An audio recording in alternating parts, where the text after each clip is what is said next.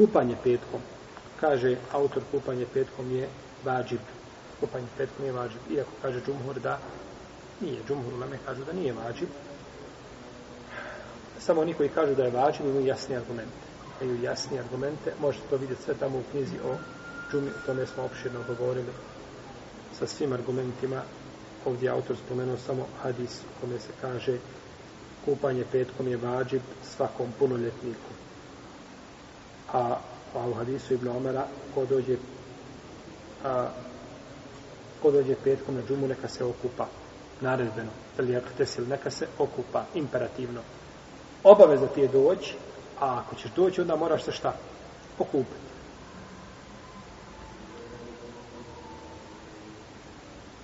a onaj ko ne dolazi na džumu, ko nije dužan, kod džumhura u leme ne mora se. Ne mora se šta? Kupiti poput žene, poput djeteta, poput čovjeka, bolesnika.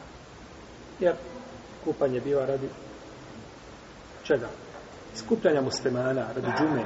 A to kad bi čovjek kupao posle namaza, ne bi bilo ispravno. Jer kod većine braća islamskih učenjaka, kod džumhura, kupanje petkom je radi namaza, a ne radi petka.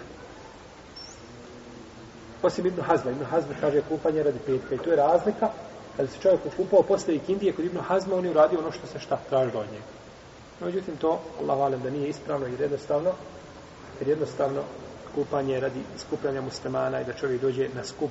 A to Lema kaže da je za kuplja, kupanje za dana refata da je lijepo, pohvalno. Iako nema hadisa, kupanje za dana refata nema hadisa, ali imate postupke selefa. Imate postupke selefa i imate to opće pravilo da za svako znači iskupljanje muslimana, svaki skuplja je lijepo čovjeku da se okupa kao što je Bajram i to se prenosi ovaj od ashaba od Ibn Omara i drugi da se kupali za Bajram i slično, i slično tome. To spominjate. Bajram. Znači, kupanje petkom je obaveza, kako kaže šta? Autor, po njegovom mišljenju je kupanje petkom obaveza i ima jake argumente. Znači ima, iako je to neka manjina učenjaka, ali imaju jaki argument. Vajib.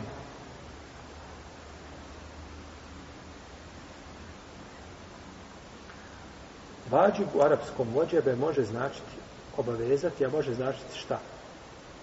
Suprotno tome. Ne obavezati. Da padne obaveza sa tebe. Jedna riječ ima šta? Dva kontradiktorna značenja kao što riječ din u jeziku može značiti pokornost, a može značiti nepokornost u jeziku u jezičkom značenju. Iako u šerijetskom binološkom ima značenje sva. To je pokornost. Pa je vođeve, fe ida vođebet džunubuha fekulu minha. I kada padne deva, kada se kode deva, kako se deva kolje? Rezom, preko vrata znači ispod vrata, dole, preko prsa, što ima, ima vena jedna koja ide arterija, i ona se preveže nožem jednim potrebom i pomire se od debe. Dok ne padne, i ona tako stoji, dok ne iskrvari, onda samo padne. Fe iza ođebet, kada padne je deva, nakon što si je šta? Nahro, je nahar. To je nahar, deva, deva se konje sa klanjem koje zove nahar, ovca se konje sa zebh, klanjem, a ovo je nahar, to je znači presjecanje, nije znači klanje gore, jer je vrat daleko. Srce dok ispumpa krv, ne bi je vjerojatno moglo ispumpati kako treba.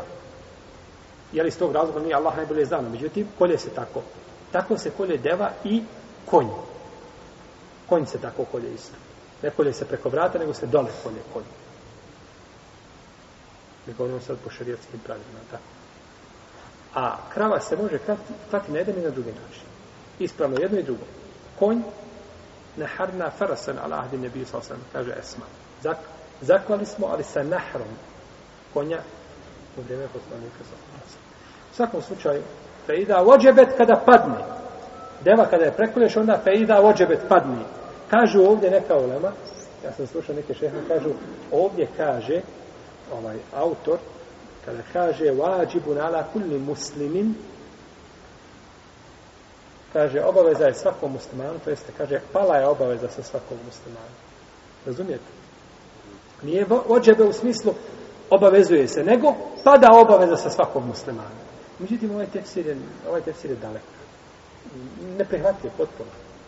Ovdje se u drugim sredizima kaže, kad dođeš, okupaj se. Kako će onda u hadisu Ibnu Omara kad kaže, ko dođe, neka se okupa. Pošeći, neka se ne okupa, Kako će onda, dobro, ovaj hadis ćemo prihvatiti tamo taj tepsir. Kako ćeš hadisu Ibnu Omara u kome kaže neka se okupa? Što ćemo sa njim?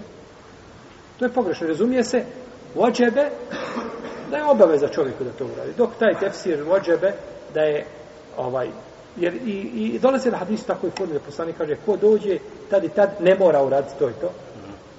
Dolaze hadisi naredbeno. Kada dođeš uraditi to, kada dođeš tako, ako ti nije naređeno, nisi šta? Dužan. Ne mora se god da nisi dužan. Jer se nije šarijet, brate, sve što te nije naređeno, nisi šta? Nisi dužan. A zato u šarijetu, u šarijetu je znači došao ovaj, došlo su te naredbe i znaš da mimo toga nije ništa naredba. Zato ko, ko ti god kaže nešto dužan, tako i tako ti kaže šta daj mi dokaz. Jer za sve što nemam dokaza nisam dužan. Pa bove riječi bile pa da obaveza sa tebe. A dobro, ko je rekao da je obaveza? Je Allah rekao u Kur'anu da je obaveza? Pa da poslanik sad dođe pa da kaže da nije obaveza? Svatate? Znači, nema hadis ne bi u tom kontekstu imao šta svoga, ne bi imao svoga smisla.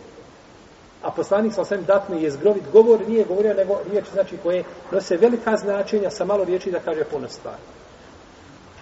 Tako da ne može se dokazivati ovim predajama.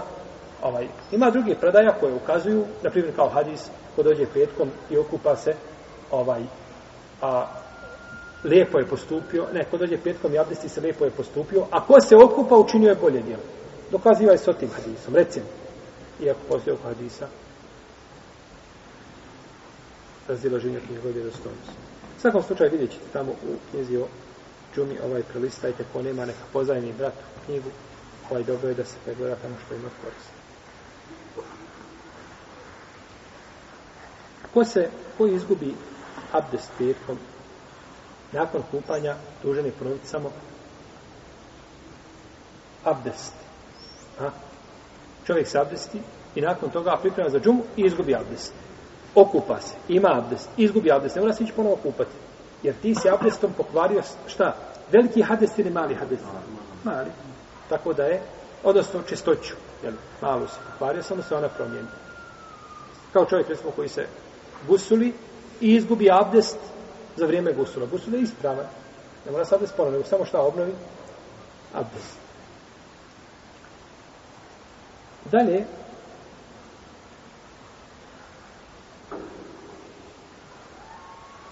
ko se bude petkom, na primjer, od džunupija, kupa se za džum, može se kupati jednim gusulom.